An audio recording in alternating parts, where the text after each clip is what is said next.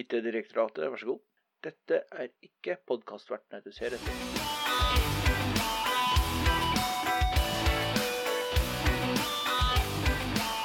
Hallo? Var Ja. Hører du meg? Hører du meg? Hallo, er denne på? Starter bra, da. Jeg er spent på, på hva utfallet av eh, denne episoden blir. altså. Det blir veldig bra, som alltid. Velkommen til episode nummer eh, Nå er jeg havna ut av tellinga. Vi er på nummer 14, Yay! fortsatt på sesong 1. Og sånn som resten av verden omtrent, så har vi eh, hjemmekontor. Ja, og nå er jeg jo så heldig at nå har jeg jo fått med meg den, den vante gjengen, så Andreas er tilbake. Ja! Ja, Og Rikard er tilbake. Ja! Ja, Og så har vi med stamgjesten vår, Øyvind. Ja! Ja! Og så må vi bare beklage at vi mangler den der vante baderomslyden, da. For siden vi, har, siden vi sitter på hjemmekontor, eh, alle sammen. Vi kompenserer med dårligere lydkvalitet ellers. Ja, Og det skal jo nevne at han som har den dårligste lydkvaliteten, er jo han som er vår samhandlingsekspert. ja. Ja, jeg, jeg, jeg, jeg skjønner ikke hva som, eh, hva som har skjedd der, men jeg høres tydeligvis ut som om jeg snakker fra en uh, hustelefon på 80-tallet. Vi er litt der, men det går bra. Ja. Ja, ja, vi gjør det vi, vi hører det fint. Vi skal i hvert fall prøve å dra gjennom noen av de, de faste postene. Vi skal starte med litt eh, tall. og så Dagens eh, tema er jo ikke overraskende nok. Så. Det er jo hjemmekontor og alt det fører med seg. Eh, Så får vi se da hvordan det blir med, med øl og lakris, for vi har, ikke, vi har ikke klart å koordinere oss på den fronten. Så det får vi nå bare ta som det kommer når, den, eh, når, vi nærmer oss slutten. Er det noen av dere som føler for oss å starte med tall, eller? Eh, Jeg kan godt begynne, jeg, hvis Ja. ingen andre har fryktelig lyst. Jeg har um, I det siste så har jeg syntes det er litt interessant å se på eh, altså, et, hvordan forskjellige ting korrelerer med hverandre. Da. Forskjellige typer tall. Og når jeg drev og satt og loka og så på dette her i uh, en sen kveldstime, uh, så snublet jeg over en korrelasjon jeg syntes var veldig spennende. Eh, Og det er hvordan antallet filmer som Nicholas Cage er med i, samsvarer med antallet mennesker som har falt og druknet i basseng. Ja, ok. Og det viser seg, altså tallet mitt er altså 66,6% Ja. Og det er altså da hvor godt altså disse tingene korrelerer. Altså på høyden i 2007 så var det 120 eh, tragiske drukningsulykker, og også fire filmer fra Nicholas Cage. Det var et eh, ja, hva skal vi kalle det, toppunkt eller lavpunkter, eller hva du har lyst til å kalle det. Det kom også i 2007. og Dette samsvarer altså med skremmende nøyaktighet. Så jeg er litt usikker på hva det er som egentlig følger den andre her. Ehm, Det er selvfølgelig mulig at det ikke er noen sammenheng i det hele tatt. Men jeg syns allikevel det var litt fascinerende at i 66,6% av tilfellene så korrelerte disse tallene med hverandre. Altså Det var færre drukningsulykker de årene hvor Nicholas Cage ikke spilte inn filmer. Og flere de årene hvor han spilte inn mange. Så det, folk får rett og slett behov for å ta livet av seg sjøl og drukne seg sjøl i et basseng når de har sett en Nicholas Nicolas Cage-film? Ja, altså Nå vet du ikke hva som skjedde først, da. Altså, Nei, det er sant. om han produserte filmene etter uh, ulykkene, eller om ulykkene kom etter filmene. Men eh, det kan vi bare spekulere i. Men, men apropos korridasjon, så har jeg jo en, eh, sånn, en egen en. det er jo at um, i, Tilbake i 2008 så kjøpte jeg meg PlayStation 3. Mm. Uh, i, når vi var i Island. Det var samt, samme helga som uh, den islandske krona kollapsa. På Island. På. På Island, i Island, på Ja. Island. Og jeg så, så tenkte meg om om det var på eller men jeg klarte ikke å komme på hva som var rett. Det er en øy. Nei, men det, da, nei, da er det faktisk det er i Island, for det er et land. Ja, Ja, det er greit. Ja. Det er greit. vet du Ok. Den, den, den, den kjøper Men, jeg men poenget var jo det at jeg har jo da nettopp kjøpt uh, PlayStation 4. Sent, men godt. Men det var da samtidig som den norske krona kollapsa. Ja. Så Så ikke, ikke kjøp, kjøp noe mer PlayStation. Per. Nei. Nei, ja, ikke sant? Så, så, ja, nettopp, ja. Ja. Så når du kjøper deg nytt gamingutstyr, så kollapser økonomien i det landet du er i? Tydeligvis. Det er nyttig informasjon. Kan ikke du si ifra litt på forhånd neste gang? Skal gjøre det. skal gjøre det. Yes. Eh, Da kan vi kanskje gå videre til Øyvind, da, hvis du har noe Ja, eh, jeg hadde jo egentlig et, eh, et tall, og så snakka vi litt her eh, før vi begynte opptaket om at kanskje jeg ikke tar så veldig mye sånn dystre tall, så da hadde jeg plutselig ikke noe tall. eh, så det er egentlig tallet mitt, da. Eh, null. jeg, har, jeg har ikke noe tall. Eh, men eh, jeg har allikevel et, et uh, tall, men jeg har ikke lyst til å si det. For i, eh, febrilsk så begynte jeg å google etter et eller annet tall som jeg kunne uh, ha istedenfor mitt dystre tall. Så jeg uh, var så kreativ at jeg skrev bare inn 'today's number' i Google. Ja. Eh, og pussig nok da, det synes jeg var litt artig, da kom det opp et telefonnummer til en eh, grill og pizza i Oslo som heter 'Today's Grill og Pizza'. så tenkte jeg ja, da, da bruker jeg det, men jeg har ikke lyst til å si det nummeret, for det er telefonnummeret til dette stedet. Det er sikkert Ja, stengt de må betale for reklamen, hallo. Ja ja, vi har ikke fått noe Ja, Vi kan godt bare sende dem regning, kan vi ikke da, på reklame? Er det, er det sånn det funker? Ja, det er jo det, ikke det? Er det ikke sånn alle disse her, eh, en del av disse veldedige sakene opererer? Ja, altså Vi har jo allerede nevnt navnet deres, da, så sånn sett så er vel det i hvert fall Ja. litt, Ja, det sier nå. Ja. Det er jo sånn de der katalogtjenestene gjorde det før. Ikke da? Men Paul, kan ikke du bare beepe opp navnet på det stedet? Jeg gjør det hvis de ikke betaler regninga. Ja, bra. Ja, nice. Yes, jeg kan jo ta, ta mitt tall, da, for så vidt. Som er 400 000. Og det er relatert til noe som heter Folding at Home.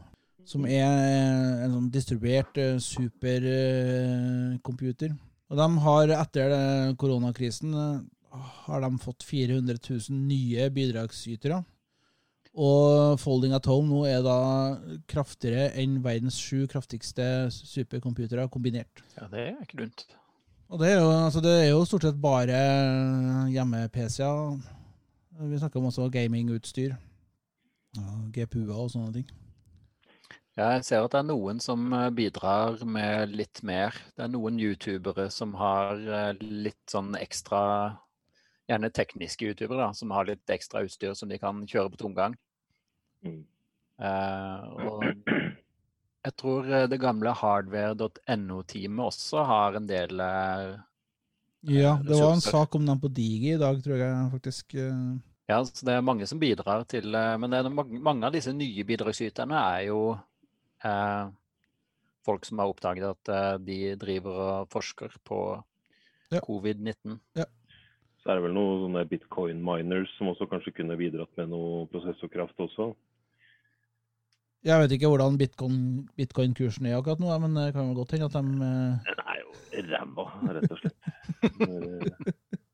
Jeg, jeg, jeg, kan si, jeg har ikke noe invitert investert i, i bitcoin, liksom, men eh, er, jeg, har, jeg, har, jeg følger litt sånn med på den, for jeg syns det er litt fascinerende. Men eh, den har jo gått rett ned, den også, som alt annet. Ja. Følger økonomien den også, du, gitt. Jøggu. Ja, ja, ja. Den som er uavhengig fra økonomien, men følger økonomien. Jeg skulle jo eh, egentlig tro at den kanskje var litt en, Kanskje var stabiliserende nå, da, som alt annet er jojo, men eh, ja. Men det er noe som. Ja. Ja, sist jeg sjekka, var den i hvert fall gått ned. Men da tenker jeg da kan de like liksom godt bruke eh, sin CPU-kraft eller GPU-kraft på å så støtte folding at home. Da. Jeg har Jeg har eh, faktisk eh, installert klienten på, på egen PC også. Jeg har brukt den tidligere på min PlayStation 3. Ja. Ja. Så brukte jeg en del uh, Riktignok så kunne du ikke bruke konsollen til noe annet når den holdt på, da. Da fikk du bare se selve ja, brettingen av proteiner skjer på skjermen. Og det var det du kunne gjøre med maskinen. Eh, og den, den ble jo veldig varm. Men, og det samme gjelder jo egentlig med, med PC-en hvis du setter i gang denne klienten.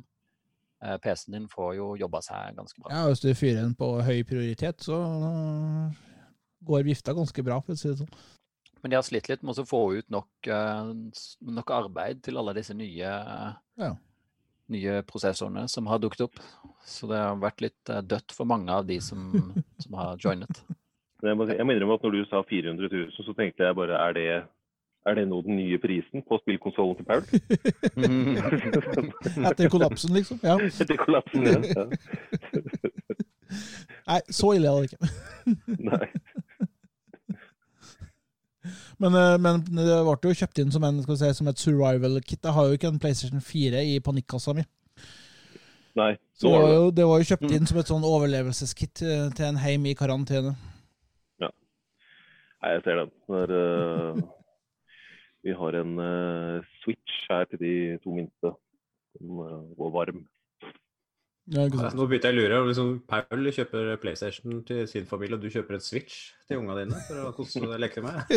Nei, de fikk den til jul, men uh, den har fått litt uh, fornyet liv, da. Det er litt greit å Du tenker på når man setter inn de kablene, så får man litt forskjellig lys og sånne ting, Øyvind. Vi, vi er der, er vi ikke det? Det er sånn switch du tenker på. Ja, det var det jeg tenkte på. Det var det jeg hørte. Altså. hvert fall. Nintendo Jeg Switch. hører ikke. Nett- Nettverkswitch er liksom Ja ja, her, her her kan det koste dere når dere sitter hjemme. Jeg, jeg bor ikke så på landet, jeg, altså. Vi har Selv om du høres sånn ut. ja, ja. Mitt tall er for øvrig også egentlig knyttet til, eh, til konsoller. Det ble Ja. funnet i uhast. og. Ehm, og jeg visste ikke at det skulle være så knyttet mot, kons eh, mot, mot temaet som har dukket opp i dag, men det er da 10,28 okay. teraflops. Ja. Eh, og det er da PlayStation 5 Ah, sin rene regnekraft. Uh, Eh, Nå er riktignok uh, Xbox på den nye Xboxen da, på, på 12 teraflops, så det blir spennende å se hvordan dette kappløpet blir når de da skal eh, Men- lansere konsollene Nå nå må du ikke drive og friste Paul, da, for da vi klarer ikke en eh, kollaps til nå.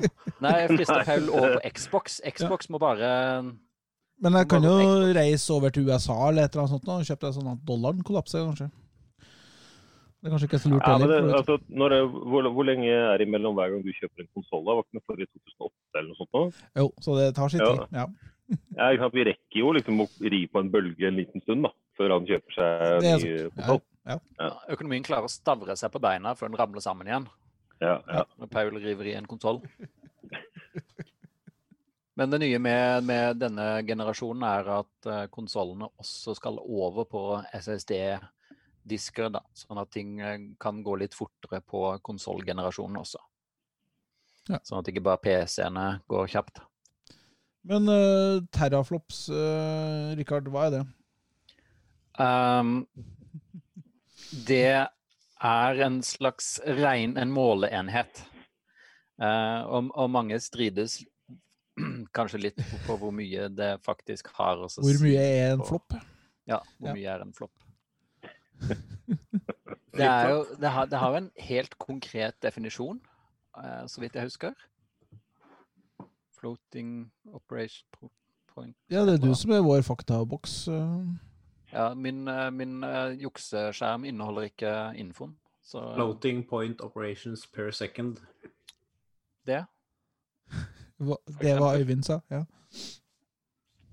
Ja, ok, er Eh, greit. Og i utgangspunktet så, så har det nok ikke så veldig mye å si nøyaktig for hvor bra de forskjellige konsollene blir.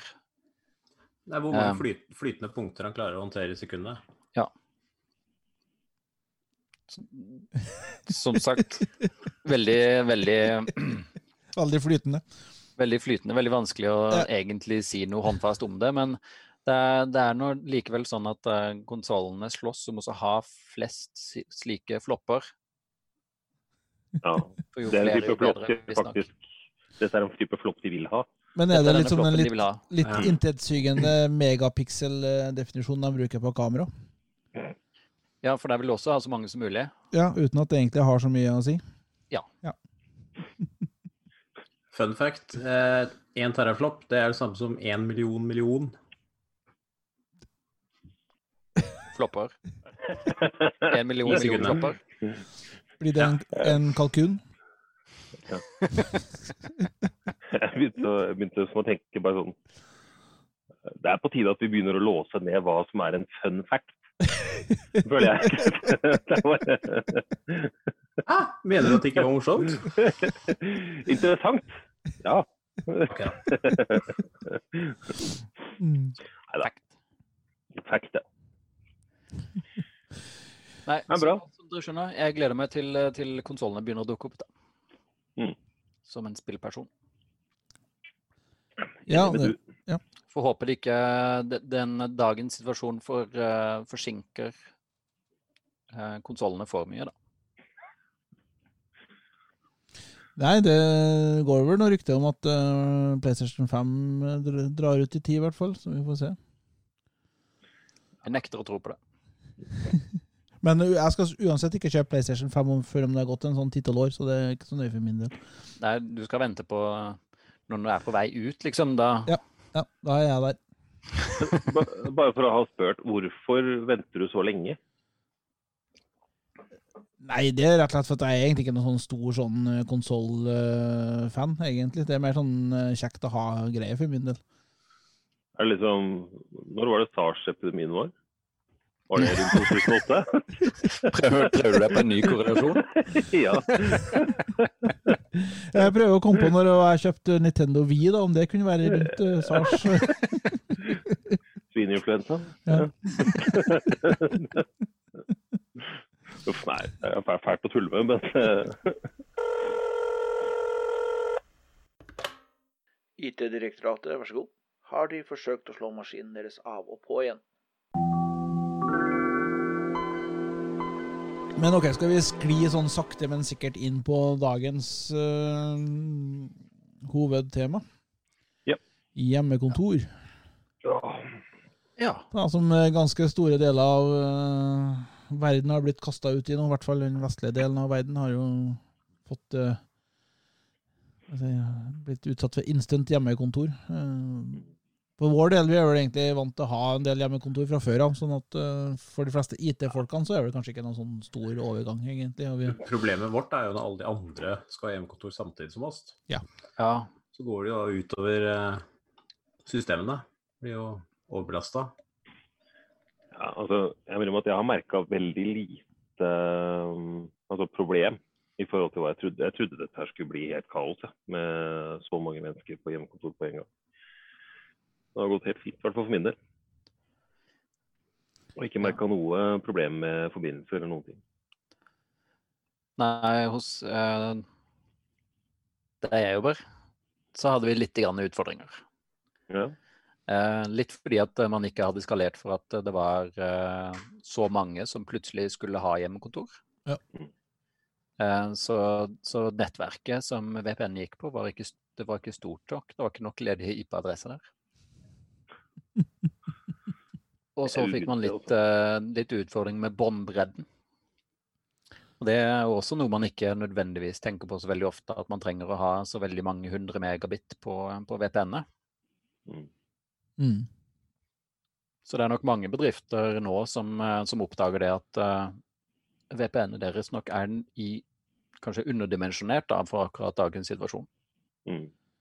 Ja, og så er det vet jeg, en del bedrifter som jobber med å fase ut VPN. Ja, Ja. ikke, fordi at det, i hvert fall tidligere, fram til nå, da, så har det vært litt sånn særtilfellene at man trenger VPN. Det er gjerne til sånn driftsfolk eh, og sånt noe som eh, trenger litt sånn Ja, De kan reise på jobb uansett, egentlig. Ja. Nei, jeg skal si at hos, hos eh, dere her så merka vi Det vi merka, var jo egentlig at det var eh, dårlig kvalitet på, på Teams på, på første dagen, men eh, bortsett fra det så gikk det egentlig relativt uh, re- relativt greit. Litt armer og bein var det når plutselig alle sammen skulle ha hjemmekontor, men uh, Jo. Men det, det tror jeg det vil være uansett i en sånn setting. da. Altså, litt armer og bein. Fordi det er jo noen som altså, Jeg pendler jo, så jeg er jo ganske vant til å jobbe med hjemmekontor og VPN-løsninger og, og sånne ting. Men, så for meg så er det ikke så, er ikke, det er ikke så stort sprang, da. Men jeg kan jo skjønne for enkelte som aldri gjør det, at det er, eh, kan være utfordrende. ja, og så er jo kanskje ikke mange som har noe sånn eh, god plass å sitte og jobbe hen, eller i heimen, nødvendigvis. Nei. Jeg har, jeg har sett mange som har kommet bærende på skjermer og tastaturer og alt mulig rart fra kontorene sine. Ja. Altså, det er vel en grunn til at uh, de fleste elektrobutikkene nå er tomme for skjermer og webkamera og mikrofoner. Og... Ja da, Mm. vår, vår eh, gjest i forrige episode, eh, Morten, eh, han jobber jo på et stort elektro, en stor elektrosjappe i Oslo. Han Mm. ra rapporterte jo om at de gikk ganske fort tom for monitorer og webkamera. Ja, Omtrent samtidig som matvarebutikkene gikk tom for dopapir. Så det har nok vært en del akuttshopping på hjemmekontorfronten, altså. Ja, ja, ja. Jeg så det. Jeg var innom Elkjøp her og skulle kjøpe et par hodetelefoner til ungene mine. Jeg holdt på å bli gæren av Peppa Gris. så, eh, men da var det, det var helt skrint, altså. Skjermer, tastaturer, mus og sånne ting. Og en del sånne gaming-headset og sånn igjen, men ikke ikke noen sånn profesjonelle ting. Altså for eh, kontorbruk var det ingenting. Helt blåst. Jeg klarte å få kjøpt meg et eh, sånn demo-headset eh, på komplett, det, som jeg fant eh, for eh, Ja. For det, dere, jeg har jo en sånn eh, Sony-headset, sånn noise cancelling-headset, men å sitte med det hele dagen, da blir det sånn god, god øresvette, rett og slett. Ja, du kan ikke ha det. Nei. Hvis du ikke har brukt det, så er det feil mikrofon også. Ja. Det sier jeg da, som har denne lyden. Ja, det er derfor den er feil. For den har faktisk Ja. god lyd. ja, feil referanse. Men, men hvordan er det med hvordan eh, hjemmekontorløsninger har dere hjemme? Har dere eh, egen plass å sitte, eller sitter dere rundt eh, kjøkkenbordet, eller hvordan er det? Jeg tenker For min egen del så sitter jeg på en sånn kombinert uh, garderobe, skittentøysskap og kontor. Det høres ut som en flott løsning. Ja, ikke sant? Veldig plasseffektivt. Det er glamorøst. Ja, ja, ja. Det er jo en grunn til at jeg nå har en sånn flere vil jobbe i IT, altså. Det er en grunn til at jeg nå har en sånn virtuell bakgrunn på kamerafeeden min når vi tar opp det her. Ja, vi burde nesten ta et bilde av det vi av oss nå, altså sånn som vi sitter, og så bruke som cover på episoden. Men eh, jeg, jeg, har etablert uh, mancave slash kontor i kjelleren. Ja, ja. Det er jo der du har den panikkassa di med øl, ikke det?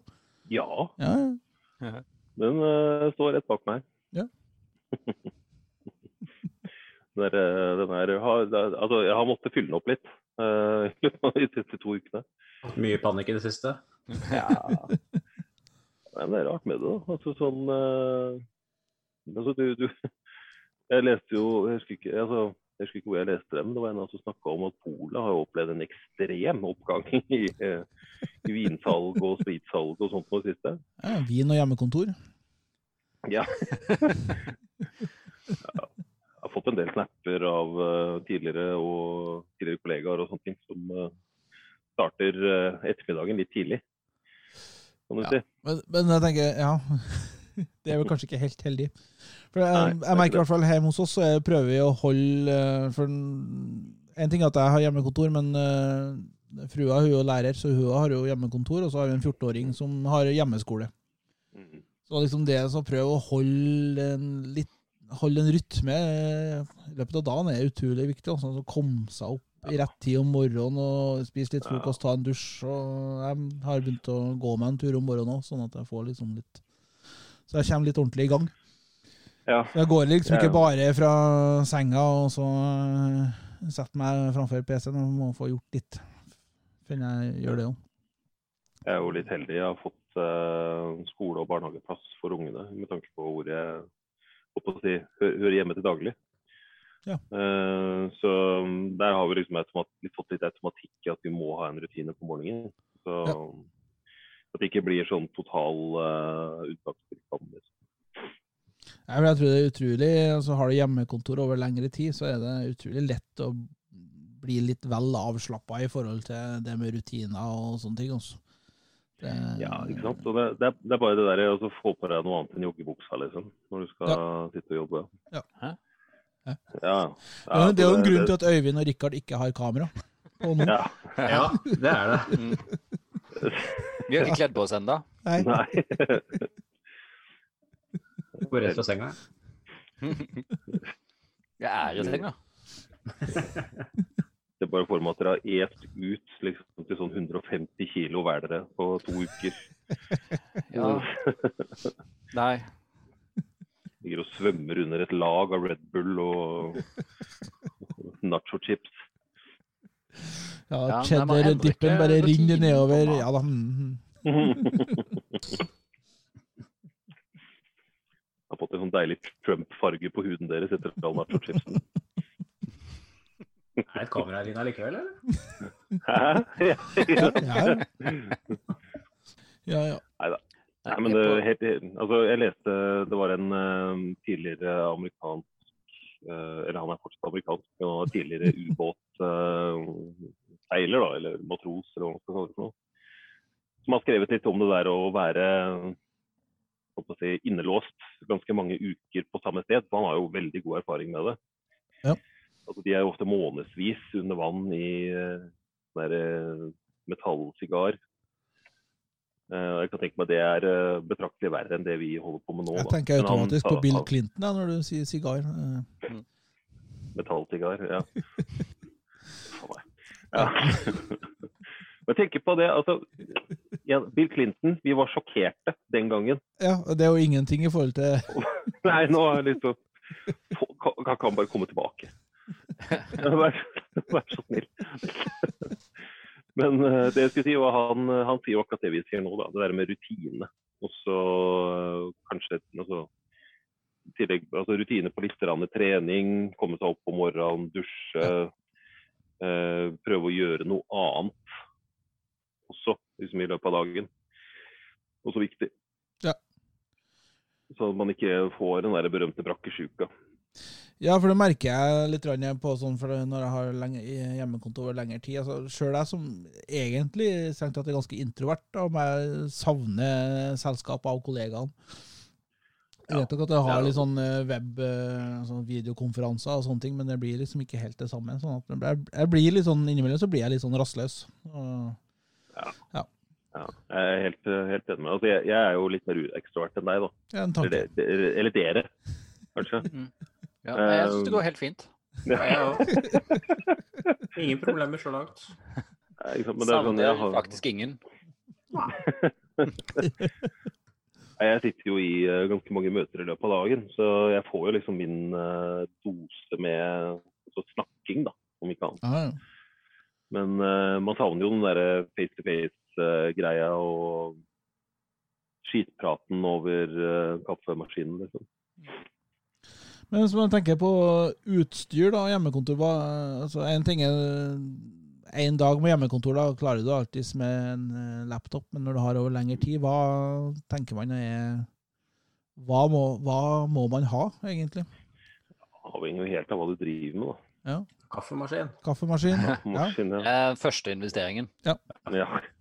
Det er, men jeg er enig. altså, Ja, kaffemaskin. Må ha det. Ja, jeg har sånne integrert på kjøkkenet. Som uh, jeg er veldig fornøyd med. Men jeg, jeg skulle egentlig hatt en sånn espresso her nede, kjenner jeg. Mm, nettopp. Man har det nærme nærmere der man er. Ja. Mm. Burde egentlig ha gjort det, altså, når du sier det. Mm. Nå sitter jeg her og studerer hvor jeg har plass til. Nei, men det, sånn, når, jeg, når jeg visste at dette her kom til å komme, så var det første jeg gjorde var at jeg raste ut og kjøpte meg dokking til laptopen. Ja. Uh, så to skjermer, tastatur, mus, headset. Det er liksom hjemmekontoroppsettet mitt. Ja, jeg har to, har to skjermer helt til jeg flytta den eh, altså Tidligere så flytta jeg den på eh, hytta. Mm. Så nå har jeg én skjerm. Jeg savner så absolutt en dokkingstasjon, for det er jo et ledningskaos uten like her. Ja, det har vært utrolig deilig. Eh, og jeg har jo vært og jobba litt ute på forskjellige kontorer og sånt nå, så nå selv etter disse begrensningene kom. Og da har jeg hatt med meg dokking og tastatur og mus overalt. Eh, og det er jo sånn pro tip uansett, da, hvis man likevel må jobbe nå, ha med seg eget utstyr. Ja, nei, det jeg sprang til å kjøpe meg, var jo et ordentlig um, headset til bruk for uh, videokonferanse. Nå er jeg litt usikker på om jeg skulle ha kjøpt det, for det er jo det samme headsetet som du sitter med nå, Andreas. sånn at jeg hører jo at det kanskje ikke var så Er det det? Er det samme? Ja. Det er det. Ja, ja. Ja, ja. Hvordan kan et sånn profesjonelt headset lage så rar uh, klang? Jeg skjønner ikke det. Jeg, har, eh, jeg bruker. Jeg mistenker at det har noe med min uh, maskin å gjøre, mer enn headset. Ja, skyld, på Jeg skylder på utstyret. ja. Altså, som alle gode håndverkere og profesjonelle, så skylder jeg på utstyret. Ja, jeg visste jo at jeg, jeg hadde jo en del utstyr fra før av med tanke på at eh, jeg spiller litt. Eh, Mm. så jeg hadde jo to skjermer og oppsett, og det eneste jeg egentlig trengte var et sted å sette laptopen og kjøpe litt ledninger. Så det var, Jeg har det var ikke, Jeg har jo et uh, dedikert kontor slash studio med masse PC-er og utstyr og alt mulig, så eh, det var ikke plass til noe annet. Så jeg bruker egentlig bare laptop, jeg. Hjemmekontor. Du har ikke plass til hjemmekontor på hjemmekontoret ditt, er det det du sier? Ja, for jeg er opptatt av Det er alt mulig annet utstyr som står overalt her. Blir du ikke gæren av å ha så liten flate? Jeg vet da, det er en vanesak. Jo jo, det er jo det. det er sånn, jeg vet ikke hvordan det er med det, men jeg sitter jo ofte med sånn type 40-50 Skype-vinduer samtidig åpne. I'm Mr. Popular. Ooh. Jeg, si- jeg nei, sitter, altså, det jeg sitter, jeg sitter stort sett og jobber, sånn, jeg vet du. det, er ikke, det er ikke sånn at de har oppsøkt meg. det er jo motsatt. Det er bare du som er de desperat etter oppmerksomhet. Ja, ja.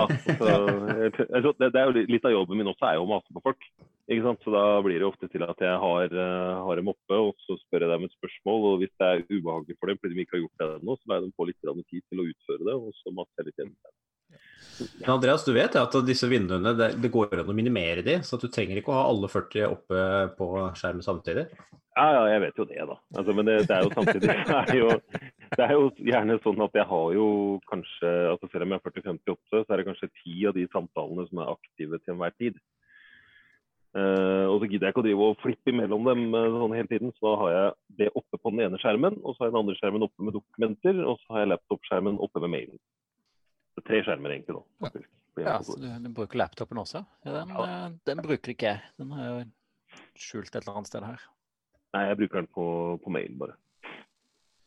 Ja, nei, jeg må ha Jeg ser jo så hysterisk dårlig, så jeg må jo ha en ordentlig monitor attåt. Altså sitter jeg jo med trynet langt inni laptopen, og det, det går jo for så vidt for en dag, men uh, over lengre tid så blir det helt håpløst.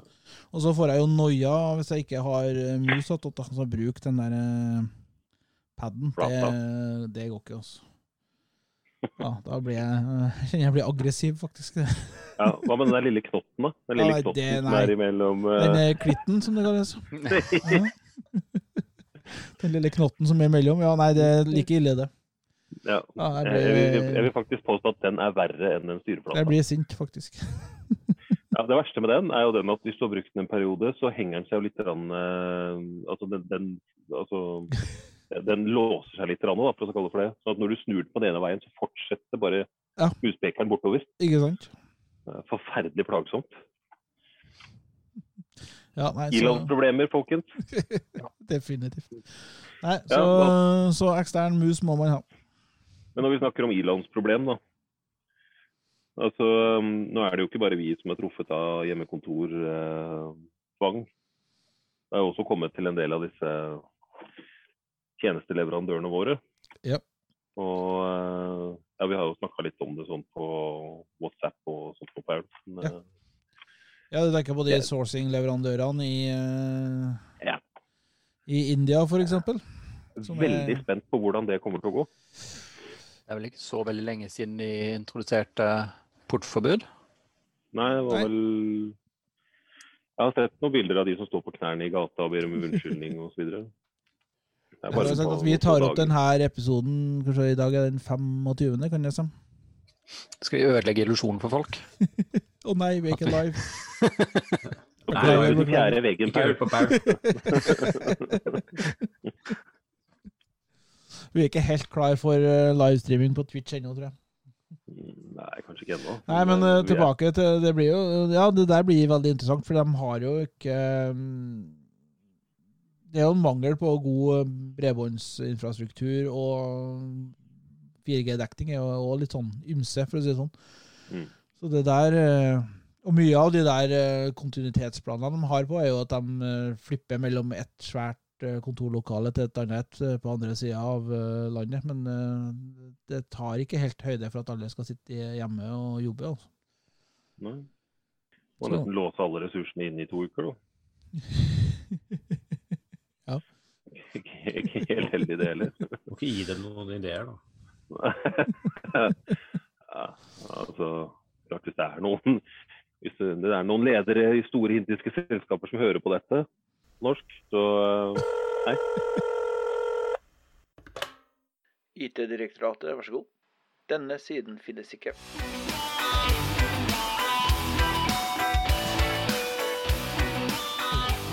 Tilbake til hjemme. Kan jeg spørre om hvor er det rareste eller særeste plassene dere har hatt uh, La oss kalle det bortekontor, da?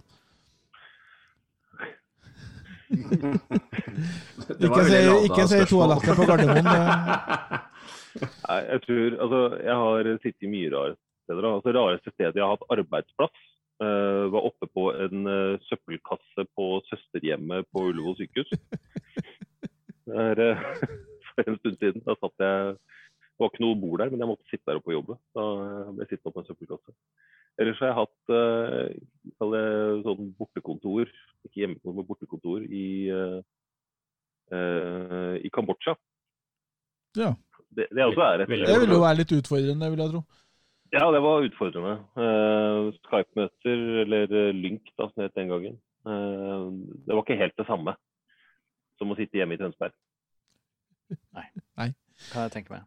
Jeg, jeg tror Nå har jeg ikke hatt så eksotiske hjemmekontor. Jeg har det er vel egentlig på en bensinstasjon oppover Østerdalen at jeg har hatt uh, sittet ut der og jobba med noe sånn akutt uh, Løst noe akutte feil i et migreringsprosjekt.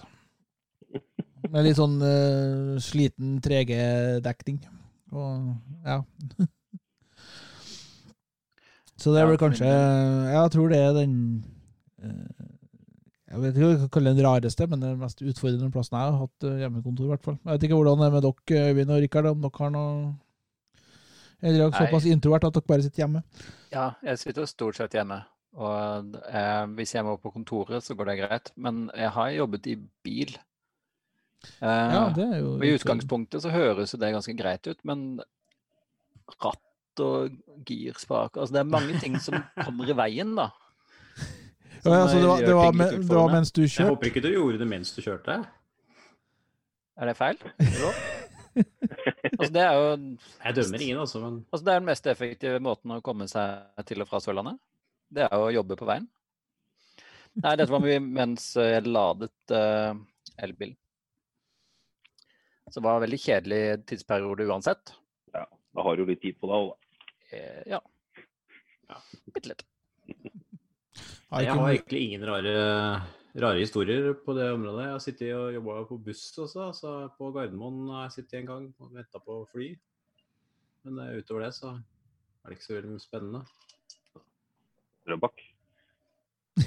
Ja, der har jeg en del fra. Og Det er ikke bare bare. Nei, det er, eh, det er ikke bare bare det, altså.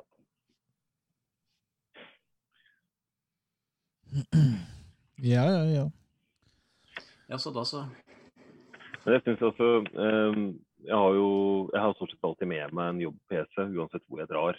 Eh, jeg er en av de som sliter litt med å faktisk ta fri når jeg burde ta fri. Ja.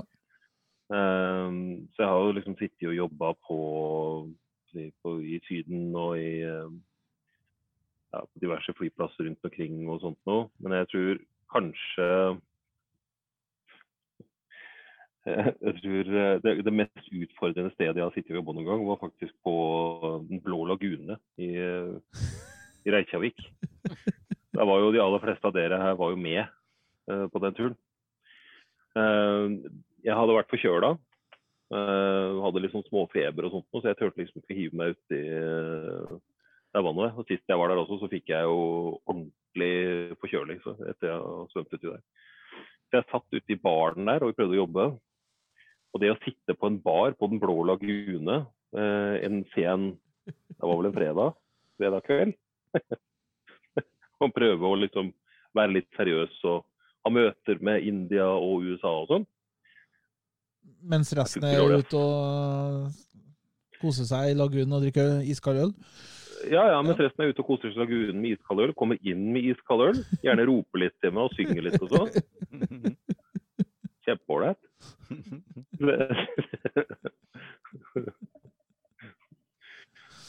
Så det, er- det er liksom eh, time and the place, altså. Ja, men det, er- altså, det er jo en del interessante forstyrrelser når du har hjemmekontor òg, eh, For så vidt. Eh, Jeg har jo jeg kjøpte meg sånn, sånn eh, tastatur som lager klikkelyd. Det har jo sikkert et eller annet fancy navn, men det var litt sånn, litt sånn mimregreier for min del. Ja, ikke sant. Litt sånn mimregreier fra min eh, tid når jeg har sånn det gode gamle IBM-tastaturet som lager en sånn fin klikkelyd. Mm. Ja. Og, det, og det er jo greit nok det når du sitter eh, alene på hjemmekontoret, kanskje ikke alltid har, ikke har noe mye møter, men idet du har, eh, har Teams-møter og sitter og skal tar ikke taste så notater mye under da før det blir forstyrrende. Men jeg, jeg har gjort akkurat det samme, Paul. Jeg har kjøpt meg et sånn skikkelig jålete tastatur. Ja. Altså, dette er veldig dårlig radio, da. Uh, Ja, Ja, det, ikke sant? det lager så høy lyd, det tastaturet her. Og det er, eh, og det er liksom, alle tastene er forma som sånne eh, skrivemaskintaster. Runde med sånn nedsenkning til fingrene og sånn. Men, eh, så det fører til at jeg taster mye feil også. Og da, og da, blir, jeg, da blir jeg irritert. Og så Ja. taster jeg enda høyere. ja, ja, ja, men altså, det er i Ja, ja. beste skrivemaskinstil, da. Ja, ja, ja. Ja, det er veldig fint tastatur, da. Ja, altså det er Nydelig tastatur og veldig deilig å bruke.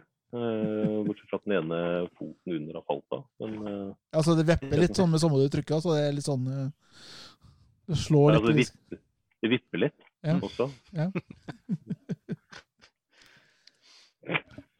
Ilandsproblem. ja, igjen. Ja. I, I motsetning til dere så gikk jeg til investeringer et eh, litt mer tradisjonelt uh, Logitech uh, membrantastatur, da, som er stille Jeg har jo eh, mekanisk tastatur til vanlig, for jeg spiller jo på det. Mm. Så jeg trenger jo ikke å kjøpe enda et sånt et. Nei, jeg, jeg kjøpte det her bare fordi det var jålete. Altså, det var eneste grunn. Altså, det, var, det var pent, syns jeg. Ja, ja, så tenkte jeg ikke på at det bråka. Ja, jeg kjøpte kun pga. den der klikkelyden som er en sånn eh, memory lane for det gamle IBM-tastaturet. Så det var ikke Ja. Men det er jo litt sånn jåletastatur med litt sånn eh, backlight og greier. Alt. Ja. Det er jo bare et, tull, vi, har egentlig. et, vi har et sånt et her òg. Ja, ikke sant? Bare i tilfelle. Ja da. Nei, det er, eh, ja, ja, det er litt, litt sånn som på kontoret til Øyvind, tror jeg. Så er det to-tre forskjellige PC-er der. Som hver har sitt egen tilkobling. Ja, ja, men dette, dette tastaturet som jeg har, så kan jeg ha tre forskjellige datamaskiner på samme tastatur. Veldig kjekt. Fancy. Her må du sende meg en link, føler jeg. Det er sikkert utsolgt. Ja, ja, det må du regne. Men faen eh, Ja, for jeg har en sånn USB-hub-sak som jeg driver og flytter mellom PC til PC når jeg må koble om skjerm og tastatur og styre. Det er jo bare hmm. ja, for jeg, Men jeg tenker meg om jeg har jo et trådløst tastatur her et eller annet sted som har en sånn minnefunksjon. Det er tre forskjellige Bluetooth. Det er trådløst, så derfor vet du ikke hvor det er. Altså, jeg kan ikke ha trådløse ting lenger, for det blir bare borte. Ja, det er sant. Vent litt. Oi, oi, oi. Jeg har jo et par sånne trådløse sånne airbuds, og de er jo borte for lenge siden. Jo da. Denne vet du har Ja. tre Ja, forskjellige tilkoblinger. der, ja. Stemmer. Men det er, jo, det er jo så lite at det er håpløst å bruke. ikke? Det blir som den. Nokia 8210-telefonen. Ja, den heter Eh. 8 den heter 810, faktisk.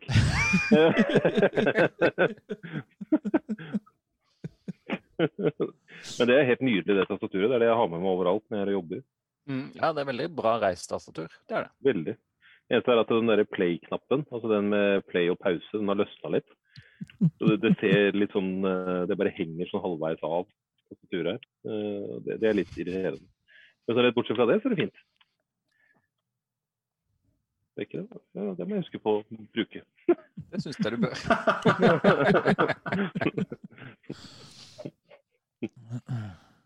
Mm. Mitt reisetastatur ser slik ut. Mm. Mitt reisetastatur ser slik ut. Ja, det er fint. Så det er veldig kjekt. Så, Ja, det er veldig, det er veldig fint at du viser oss, Øyvind. Nei, det- Vi setter veldig pris på det. ja. Siden dere har visst hvem deres, mener jeg. Ja, ja. Show and tell. Men eh, nå er det jo sånn eh, altså, Paul og Øyvind, dere har jo unger begge to. Ja. Hvordan har dere fått det til å gå i hop med hjemmekontor og unger og Er det på dette tidspunktet jeg bare går og så henter uh, noe å drikke? Nei, det, For vår del så har ikke det vært noe problem. Altså, som sagt, hun, Mi hun er 14, sånn at uh, Det går egentlig, går egentlig veldig greit, ja. Ja, jeg Vi gjør det også å- Tone, altså kjerringa, hun er jo lærer og har også hjemmekontor, så vi er jo hjemme alle mann. Eh, Men så har vi en sånn understanding om at vi, vi skal liksom ikke gå opp på hverandre og synes at alt er så koselig hele tida. Altså, det er lov å gå og sette seg for seg sjøl. For vi har, ikke, vi har ikke gått inn i den der eh, Facebook-fella hvor alle skal ta bilder av eh, kjernefamilien og se hvor trivelig vi har det i karantene. Vi har egentlig sagt at eh, det er viktig med alenetid òg, for alle tre. Ja, ja, ikke sant. Og det tenker jeg er utrolig viktig, akkurat det. altså. Eh, det er viktig, og så er det også viktig det der liksom også bare innse at dette her kommer til å være kjipt en periode. og det, det er ikke alltid alle er venner, men sånn er det bare. Ja, Dattera var ikke veldig fornøyd. når De var jo en tur med danskebåten, så de endte jo opp med karantene. Så det var jo ikke så Det var jo ikke så stas, da. Men uh, samtidig så er det ikke så mye som skjer likevel. Så alt av treninger og alt sånt nå er jo avlyst, ikke sant. Så det er jo liksom ikke jeg har en uh, kollega der vi er nå, som hadde vært på Kie på sånn båttur. og De hadde vært utenfor norsk farvann. altså og trå, liksom, Ikke tråla, men seila liksom rett utafor Kiel. Veldig fin tomsokk vært- du har. eh. Er ikke den pen? Jo. De hadde, de, hadde, de hadde ikke vært i land i Kiel. Jeg glemmer at jeg er på kamera. De hadde ikke vært i land, i land i Kiel, men eh, de hadde vært utenfor. Eh, og så hadde de seilt tilbake igjen. Av to uker i karantene. Ja. Han hadde ikke satt fot utenfor. Men det er klart, altså, jeg kan jo Ja, med tanke på Nei, jeg skal ikke si det. Jeg skal bare si Med tanke på åssen han er, så skjønner jeg godt at de blir satt i karantene uansett. Satt i karantene på generelt grunnlag. Ja, ja. Men hvordan funker det med dine unger hjemmekontor, Øyvind? Det funker egentlig veldig greit. De, de har jo hjemmeskole, og de sitter jo på hvert sitt rom og, og er på skole. holdt jeg på Si. Det, akkurat den Ja. biten syns jeg funker veldig greit. Eh, og I tillegg så er eh, kona har fått eh, fri. Altså ikke permittert, men fri med lønn. Eh, så Sånn sett er vi ekstremt heldige, da. Så vi også er hjemme alle sammen. Og hun har jo da tid til å følge opp hjemmeskolen. Så jeg kan sitte og jobbe. ja. For hvor gamle er dine igjen? 10 og 13, 10 og 13? Ja, så de er jo selvgående, da. Ja ikke sant. Ja, men jeg har jo en del eh, kollegaer der jeg er noe, er noe som har litt større problem, skal vi se, eller utfordringer på den fronten, da, som har unger som er sånn type Ja, litt sånn som dine, Andreas. Mm. Sånn i seks år og nedover. For det er litt, er litt vanskelig å få fred og ro til å gjennomføre en hel arbeidsdag uten avbrudd. Ja, der er jo Altså eh, Som sagt, jeg er jo heldig da, sånn sett som har fått Vi har fått uh, litt uh, At de kan, være, kan få være i barnehage og skole Ja. en periode i løpet av dagen. Så det er jo veldig fint. Men det er sånn Ellers har jo kona også vært veldig flink da med dem. Og laga, laga hinderløyper med sykkel i gata her. Og i dag var det med å bygde drage. Med å prøve å fly. Det gikk ganske dårlig. Eh,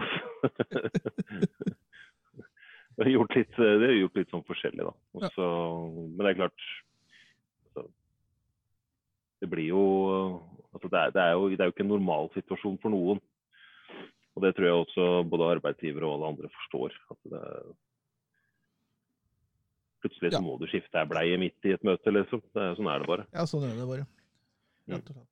Og Det tror jeg ikke er noe problem, i hvert fall ikke i Norge, hvor man er egentlig ganske vant til at eh, man tar, tar seg av unger. Altså, man er vant til at man må stikke klokka halv fire man må hente i barnehage og sånt.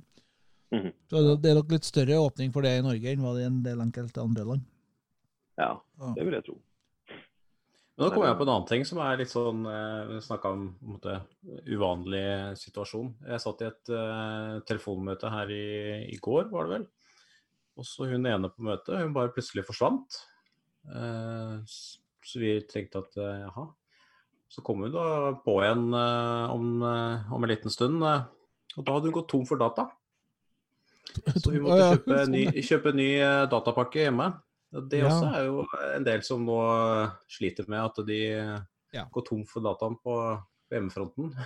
Fordi de sitter med mobil eh, Sett med Ja, altså Ungene sitter på Netflix og skole, og liksom alle er jo hjemme. Og stort sett så er jo underholdninga over internett på en eller annen form. Ja, men jeg har, har jo sett det at det er en del som sliter med dårlig altså, Som du sier, man går, man går rett og slett tom for, eh, for data. så man møter datacapet. Og sliter litt med dårlig dekning, og at man nødvendigvis ikke kanskje har eh, utstyr til alle sammen. Altså er det familie på fem, da. Så har du begge foreldrene skal ha hjemmekontor, og så har du fem unger som skal ha hjemmeskole. Det er jo ikke sikkert at du har fem PC-er. Åh, jeg Eller jeg ble stressa når du sa det. Fem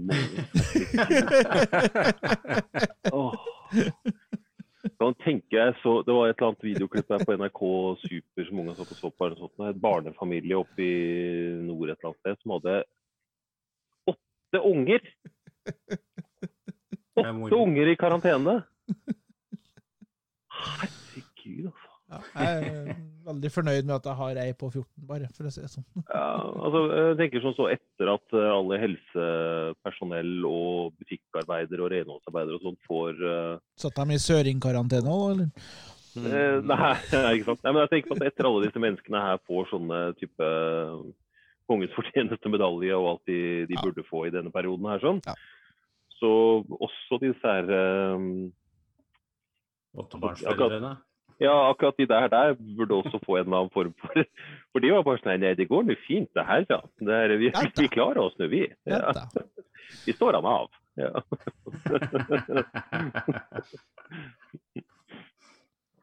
Har Rikard kommet tilbake, eller? Ja. Ja. Men jeg snakker jo fortsatt om barn, så det er litt sånn ja, ja. hva jeg kan bidra med i akkurat denne samtalen. Nei, altså, jeg var egentlig spent på din take på den derre Det har jo blitt spådd da, at det kommer en babyboom sånn ca. ni måneder etter koronaen er ferdig. Gjør du ditt, Rikard? Nei, jeg bidrar nok ikke stort der. Det er klart. Altså Uh, Du går fortsatt på uante mengder Paracet og Ibux og sånn, eller? Uh, akkurat i dag er det alkohol. Ja. Det Ikke funker jo alkohol fint. og Ibux. Prøver også å begrense blandingen av eh, medisiner. Så i dag er den eneste medisinen alkohol. Ja, det bare slo meg at kanskje prolaps og eh, babyboom er liksom ikke en god kombo. Sånn, uansett. Nei, ikke nødvendigvis. mm. Nei, men jeg si, det enten altså både skilsmisseboom og barneboom er det de spår etter koronaen er ferdig. Ja. Eh, Spennende å se de tallene der. Det var jo sånn etter at Italia vant fotball-VM i jeg husker ikke hvilket år det var, da, så var det jo en 94? kjempestor babyboom eh, ni måneder etterpå. Eh, når England vant fotball-VM, så gikk strømnettet til helvete for alle kokte te. Det er en typisk engelsk reaksjon. ja, det er forskjell på folk.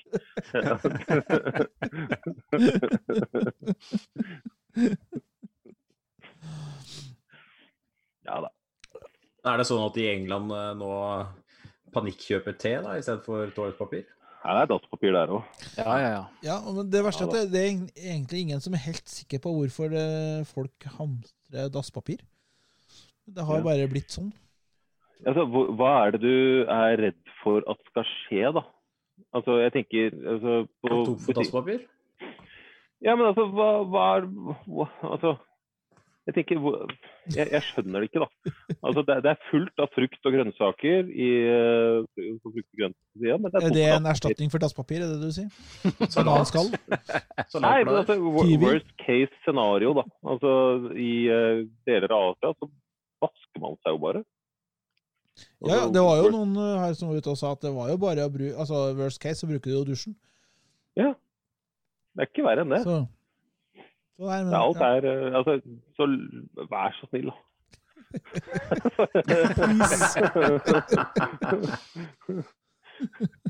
ja det, gjør, det gjør det jo litt utfordrende for oss som ikke har hamstret, og plutselig har bruk for toalettpapir.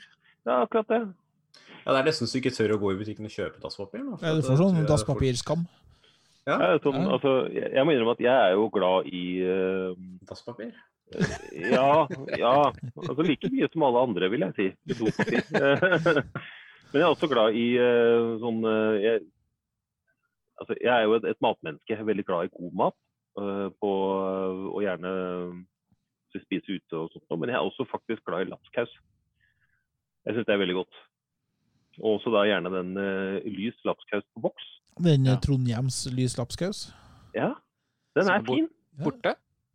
Ja. Helt borte. Og jeg tør ikke å kjøpe det heller. Ja, for da tror de at du er en hamstrer. Ja, for jeg syns det er kleint å kjøpe den til daglig, altså når det ikke er noe korona ute og går. Ja. Ikke sant? Altså, rett og slett bare fordi det, det ser litt stakkarslig ut å komme med liksom to bukser med Putter inn en sånn brun papirpose og sånne ting. Ikke sant? Altså, det, det ser jo litt stusslig ut, jeg skjønner jo det jeg også. Men uh, ja. Nei, det, men uh, nå er det i hvert fall sånn at jeg ikke tør å kjøpe. Og så har jeg bestilt på kolonial.no. Ja, som, Så det er eh, levering om to 200 000 andre. Ja, ja, men de, så lenge de har på lager, så er det jo greit. Ja. Det har de eh, faktisk bekrefta. Skal, jeg bort- skal jeg bort i panikkassa mi her. Ja, De er for øvrig tom for toalettpapir, de også. Kolonial, ja. Ja. Nei, jeg fikk tak i i dag. På Kolonial, eller? Ja. Oi. Det må jeg si. Nei, Vi var en av, noen av dem som kjørte over til Sverige for å handle toalettpapir. Eh, Nå har vi hytte utenfor Torsby, da, så vi var for så vidt der. Og der var det, der var det Ja. null hamstring, mens det var fullstendig kaos i Norge og på Nordby.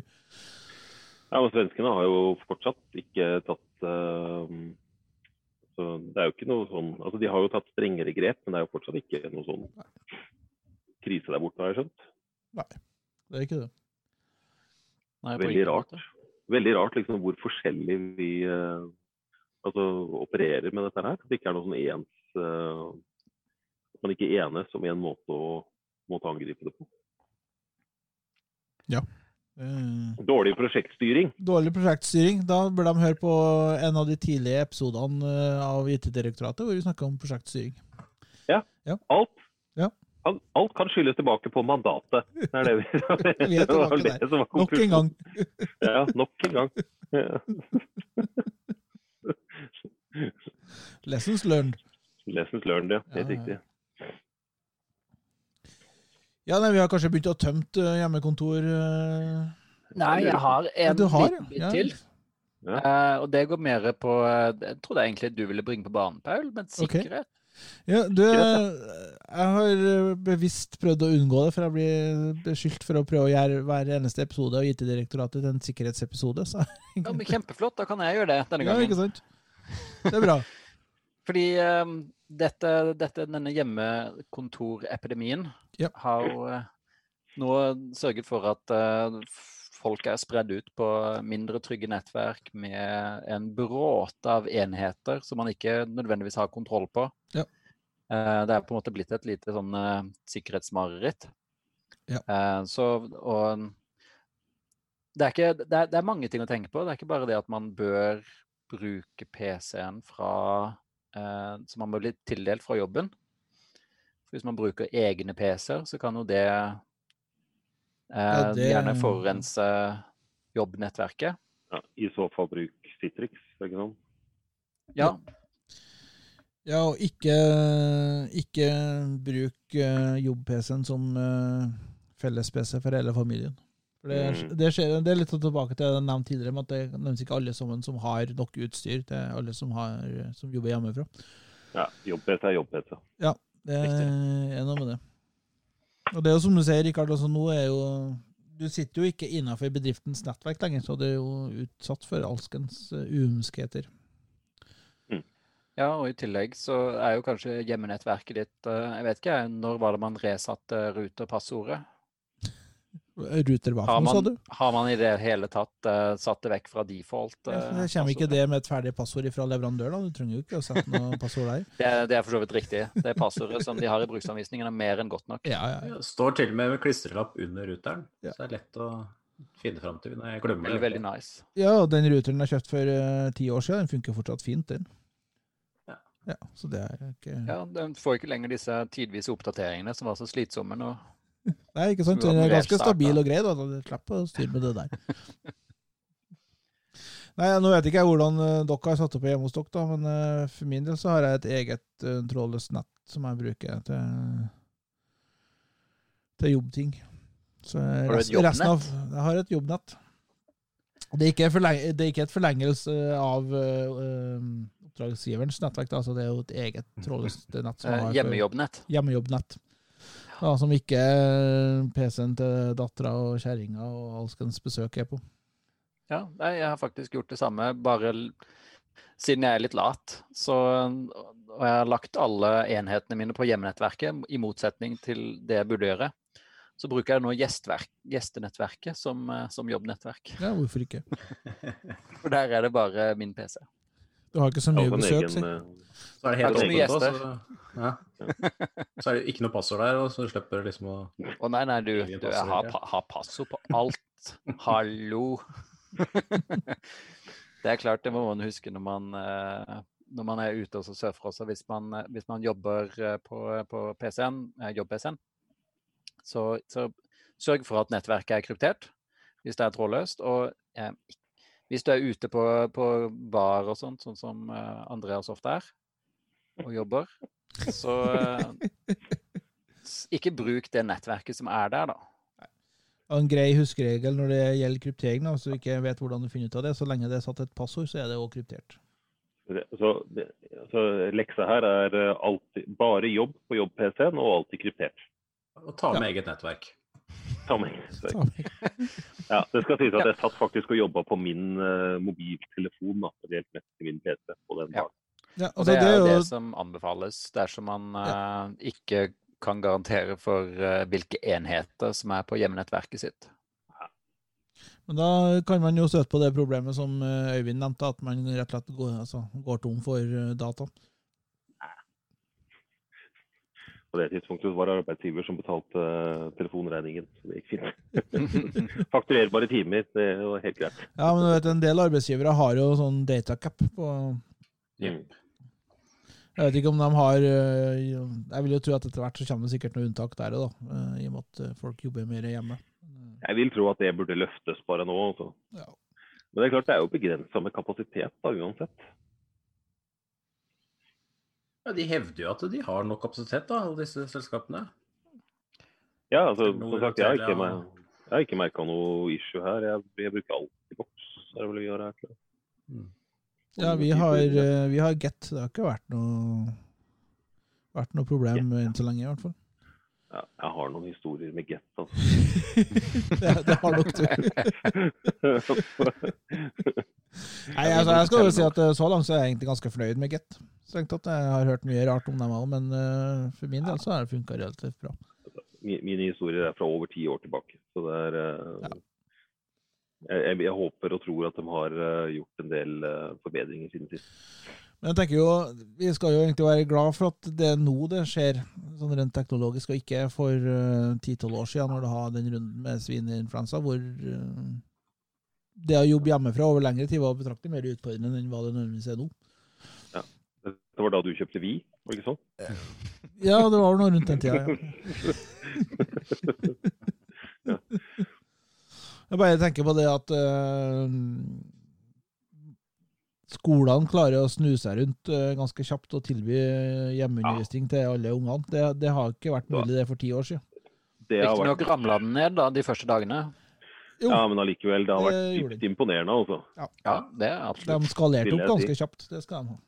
Altså både altså kommunene og kommune, kommunens sånne IT-tjenester og sånt, og får så mye tyn ellers. Men fy flate, de har snudd seg rundt, altså. Ja, det skal de Og ikke minst, ikke minst lærerne, liksom. Herregud. Mm.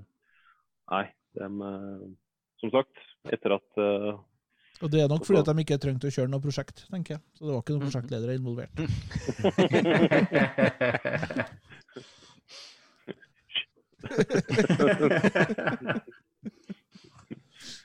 Ja, men det er også noe ting vi har begynt med eh, hos oss. da. Altså Sånn, eh, jeg har ofte hatt en sånn eh, Det var kona som begynte med det. Men sånn med high fives. Det har liksom alltid vært sånn vi har en, uh, vi gir en high five liksom når vi kommer om morgenen eller uh, går om ettermiddagen og sånt noe. Med ungene. High five. Ja. Men jeg kan ikke gjøre noe, vet du. Så nå har jeg begynt med mentale high fives istedenfor. Så sier sier bare 'mental high five', og så gjør alle sånn ja. Så gir de et nikk med hodet. Nei, det funker veldig fint. Det er veldig morsomt. Der, er, eh, Nikker ungene dine hver morgen? Ja, funker ja, ja. Skaller dem ned hver morgen. Kiss. som det heter. Men apropos hjemme, hjemmeundervisning og, og sånne ting. Min datter går jo på piano. Hun hadde faktisk sin første pianotime her på tirsdag med FaceTime. Ja. Pianolæreren sin. Og det fungerte, det òg, faktisk. Piano Ja, ja. ja. Hvorfor ikke? Nei, altså, hun hadde jo bare hadde et Jeg er sikker på at pianolæreren bare satt på mute. Så unmuter når du ser ungen lene seg tilbake. Ja. Veldig bra, men ta det, ta det en gang til. Ja. Konsentrer deg. Ja.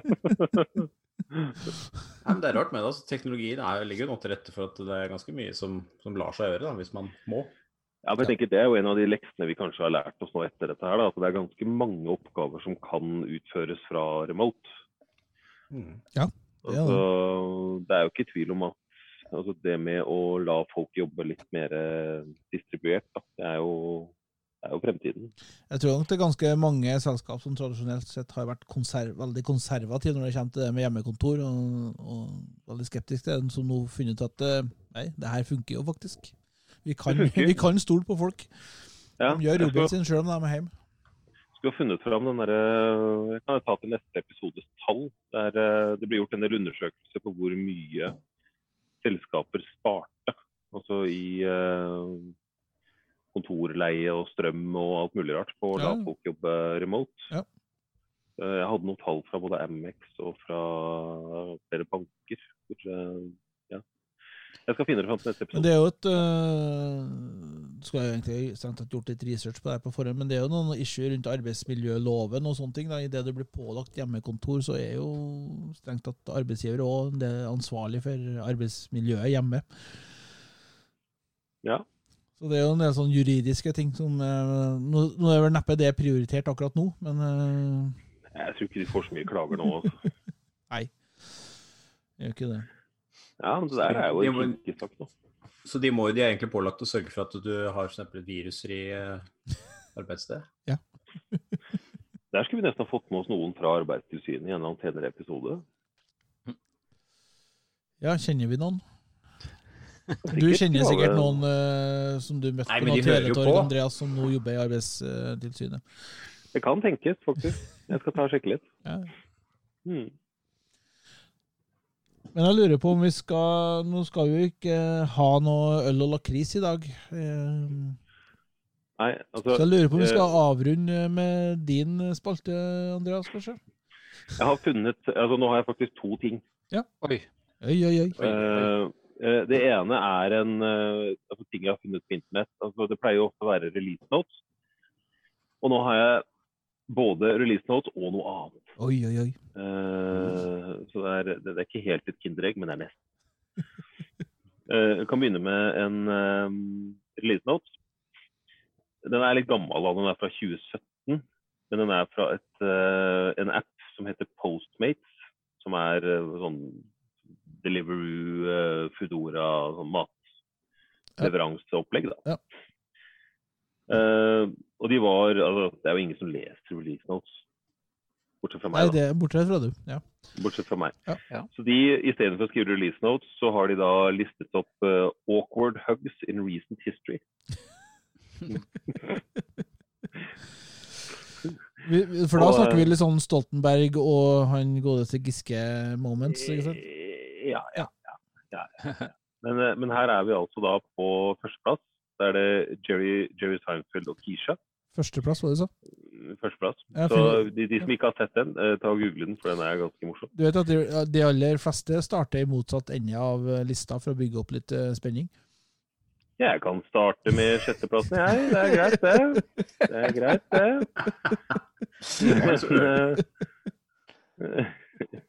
Men det, det var et poeng med å starte på førsteplass. Ja, ok, unnskyld. ja, ja. Eh, ja, jeg, jeg, jeg tar det i den rekkefølgen jeg hadde tenkt. Ja. Gjør det, Så, Uh, ja, jeg, jeg, ignorerer velmenende råd, som uh, så ofte ellers. Andreplass Ivanka Trump og Marco Rubio. Også han som stilte opp mot Donald Trump i presidentvalget.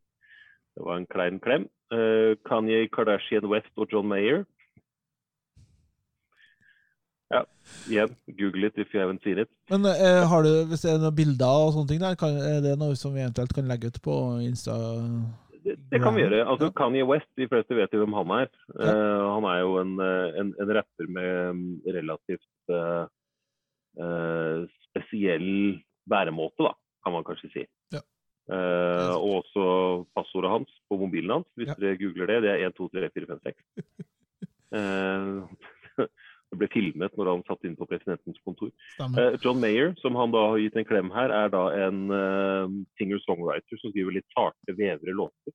Så det er ikke den tidligere engelske statsministeren vi snakker om? Ikke John Major, Nei. John Ma Meyer. Ja, okay, Mayer. Ja. Uh, Fjerdeplass, Voldemort og Draco Malfoy. Ja. Og så kommer vi da over til femteplassen, som er EOAs Location Services. Som, eh, altså, som hugger hele Postmates-appen og skvisjer ned all navigasjonen. Sjetteplass, Apple Pay Sheet, som hugger hele skjermen din med en masse line items som gjør den eh, estimerte eh, altså summen du skal betale, mye mindre tydelig enn det den burde være. Mm. Dette er altså ting de har fikset, eh, og de kan altså da være De kan med glede rapportere at klem nummer fire kommer aldri til å skje igjen. Altså det er Voldemort og Draco. Ja. Fordi Voldemort han døde jo, ikke sant? Altså spoiler alert, men han døde. uh, spoiler alert etter. Det er dårlig gjort. og, eh, og Jeg føler at spoiler-karantenen for Harry Potter-filmene har gått ut. Altså. Det, Ja, han har, han har det. ikke sant? Og klem nummer fem og seks kommer heller aldri til å skje igjen. Altså, dette var da også henholdsvis US Location Services og Apple Pay. Kommer ikke til å skje pga. at giro- Gira-ticketene ble løst i forrige uke. Det var release-noten. Jeg er veldig glad i release-note som egentlig ikke har noen ting med produktet å gjøre. Jeg synes det er helt nydelig. Og så fant jeg en ting til. Eh, Det er ikke release-notes, men eh, som den tidligere, så har jeg to, to unger. Og fireåringen han lurte på hvorfor vi sa to til hester Ja. når man skulle få de til å stoppe. hvorfor ikke bare si stopp? Ja, det, det er ikke Ja, en det- det er- jeg har brukt så mye. Nei, altså, har, dere har kanskje ikke ridd så mye på hest, eller? Uh, jo, når jeg var Prøver å slutte. for til Island for å kjøpe PlayStation, så ridde jeg opp på islandshest. Du kom, kom over Eiafjella-Jøkul med PlayStation 3 under armen. Yes. Ja. Tok med deg økonomien i samme Yes. Men uh, ja, i hvert fall jeg googla dette her, da. Hvorfor eh, Hvorfor sier vi to, altså pro, eh, til hester når de skal stoppe? Ja. Og da viser det seg Dette er en reise, folkens. Er det en lang reise? Ja, det er ikke så veldig lang. Altså, den er, men den, er litt, jeg syns den er litt artig.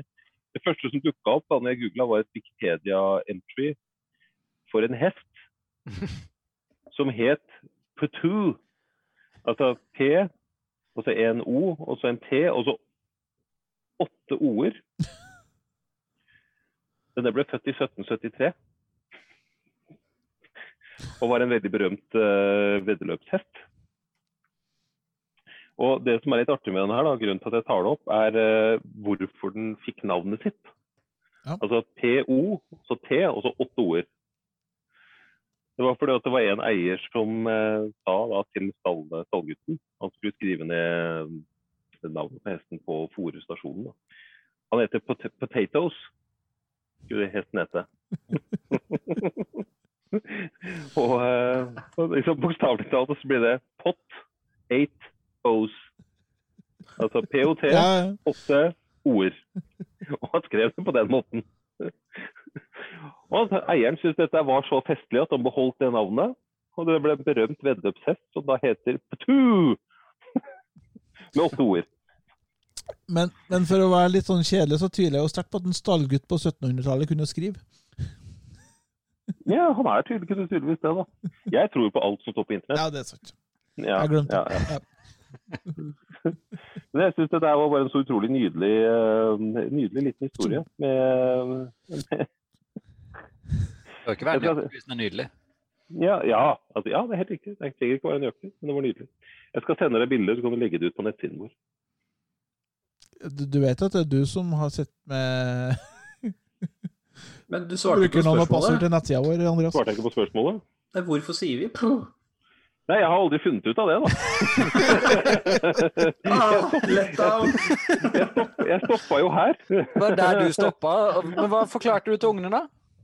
Nei, jeg forklarte ikke. Jeg fortalte om hesten som et Potato, som het Pot of the Wear. Du avleder Så ungene er heller ikke noe klokere. Nei, nei, nei. nei, nei. Nei, så bra. Nei, Jeg driver jo ikke med utdanning, tross alt. Det er- Nei, det er andre som håndterer, heldigvis. Ja, heldigvis.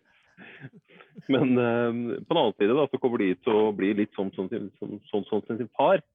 Kommer til å ha et, uh, et ganske stort repertoar og unyttig informasjon. Men det er viktig, det.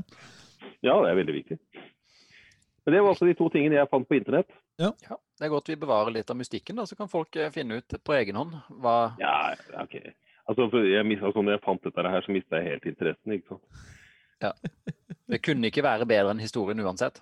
Nei, altså, jeg syns jo ikke det. da. Det er, eh, jeg, altså, jeg satt lenge altså, Jeg var veldig fascinert av dette her. Og det, liksom, det, det beskriver egentlig meg ganske godt, da. Altså, hvor glad jeg er i sånne sære ting. Ja, ja, men, men med det så tror jeg vi skal til altså, avslutte, for nå har jeg snart uh, to timer med råmaterial som jeg skal prøve å kutte ned til nærmere én, sånn at uh... Ja, men når- er neste runde nå, da? Men før vi diskuterer det, så kanskje vi skal bare si eh, ha det? Og ja, ja, avslutte? jeg trodde vi hadde Jeg ut et øyeblikk der. Ja, vi kan si ha det. Hvor, hvor mye Har du noe oksygen i den derre Nei, jeg må åpne vinduet. Ja. Men da tror jeg vi skal bare takke for oss, og så ønske folk lykke til videre i eh, hjemmekontortilværelsen sin. Stay home, stay safe. Yeah, Stay home, stay safe. Yes. Ha det.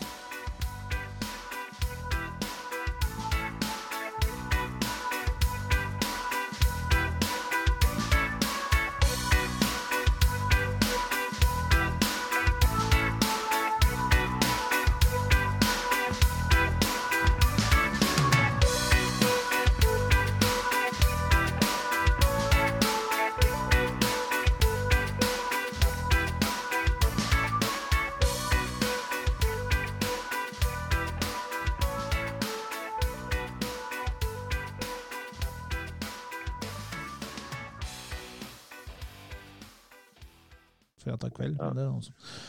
Jeg har lasta ned en, eh, en flysimulator, jeg nå. Det er derfor lydkvaliteten din har vært så dårlig. Ja, ikke sant? Nei, det, det, men jeg var ferdig med å laste ned på morgenen i dag. Men, eh, Du har jo litt sånn uh, pilotlyd. Uh, så- Han, Ah, er, han har sittet og spilt han, mens vi har tatt opp. Ja. Hjertelig velkomne, mine damer og herrer, til denne flight 1456. Det er jo Fra Det er det er så troverdig. Ja. Vennligst alle sammen når dere forlater flyet, ikke gå under vingen, og for all del ikke gå over den heller. Ja. Må alle klappe da når vi landa. Ja. Og rett i karantene. Ja da. ja, så rett i karantene, ja. Det er veldig, veldig bra. Eh, herregud. ja, ja. Nei, men da er jeg første til å si det. Ha det bra. og Jo, god kveld. Vi snakkes, folkens. Vi Takk for i kveld. Takk skal du ha. Hyggelig. Hyggelig å se folk. Ja, Ikke minst. Dem av dem vi så, i hvert fall. Ha det. Ja, ha det. Ha det.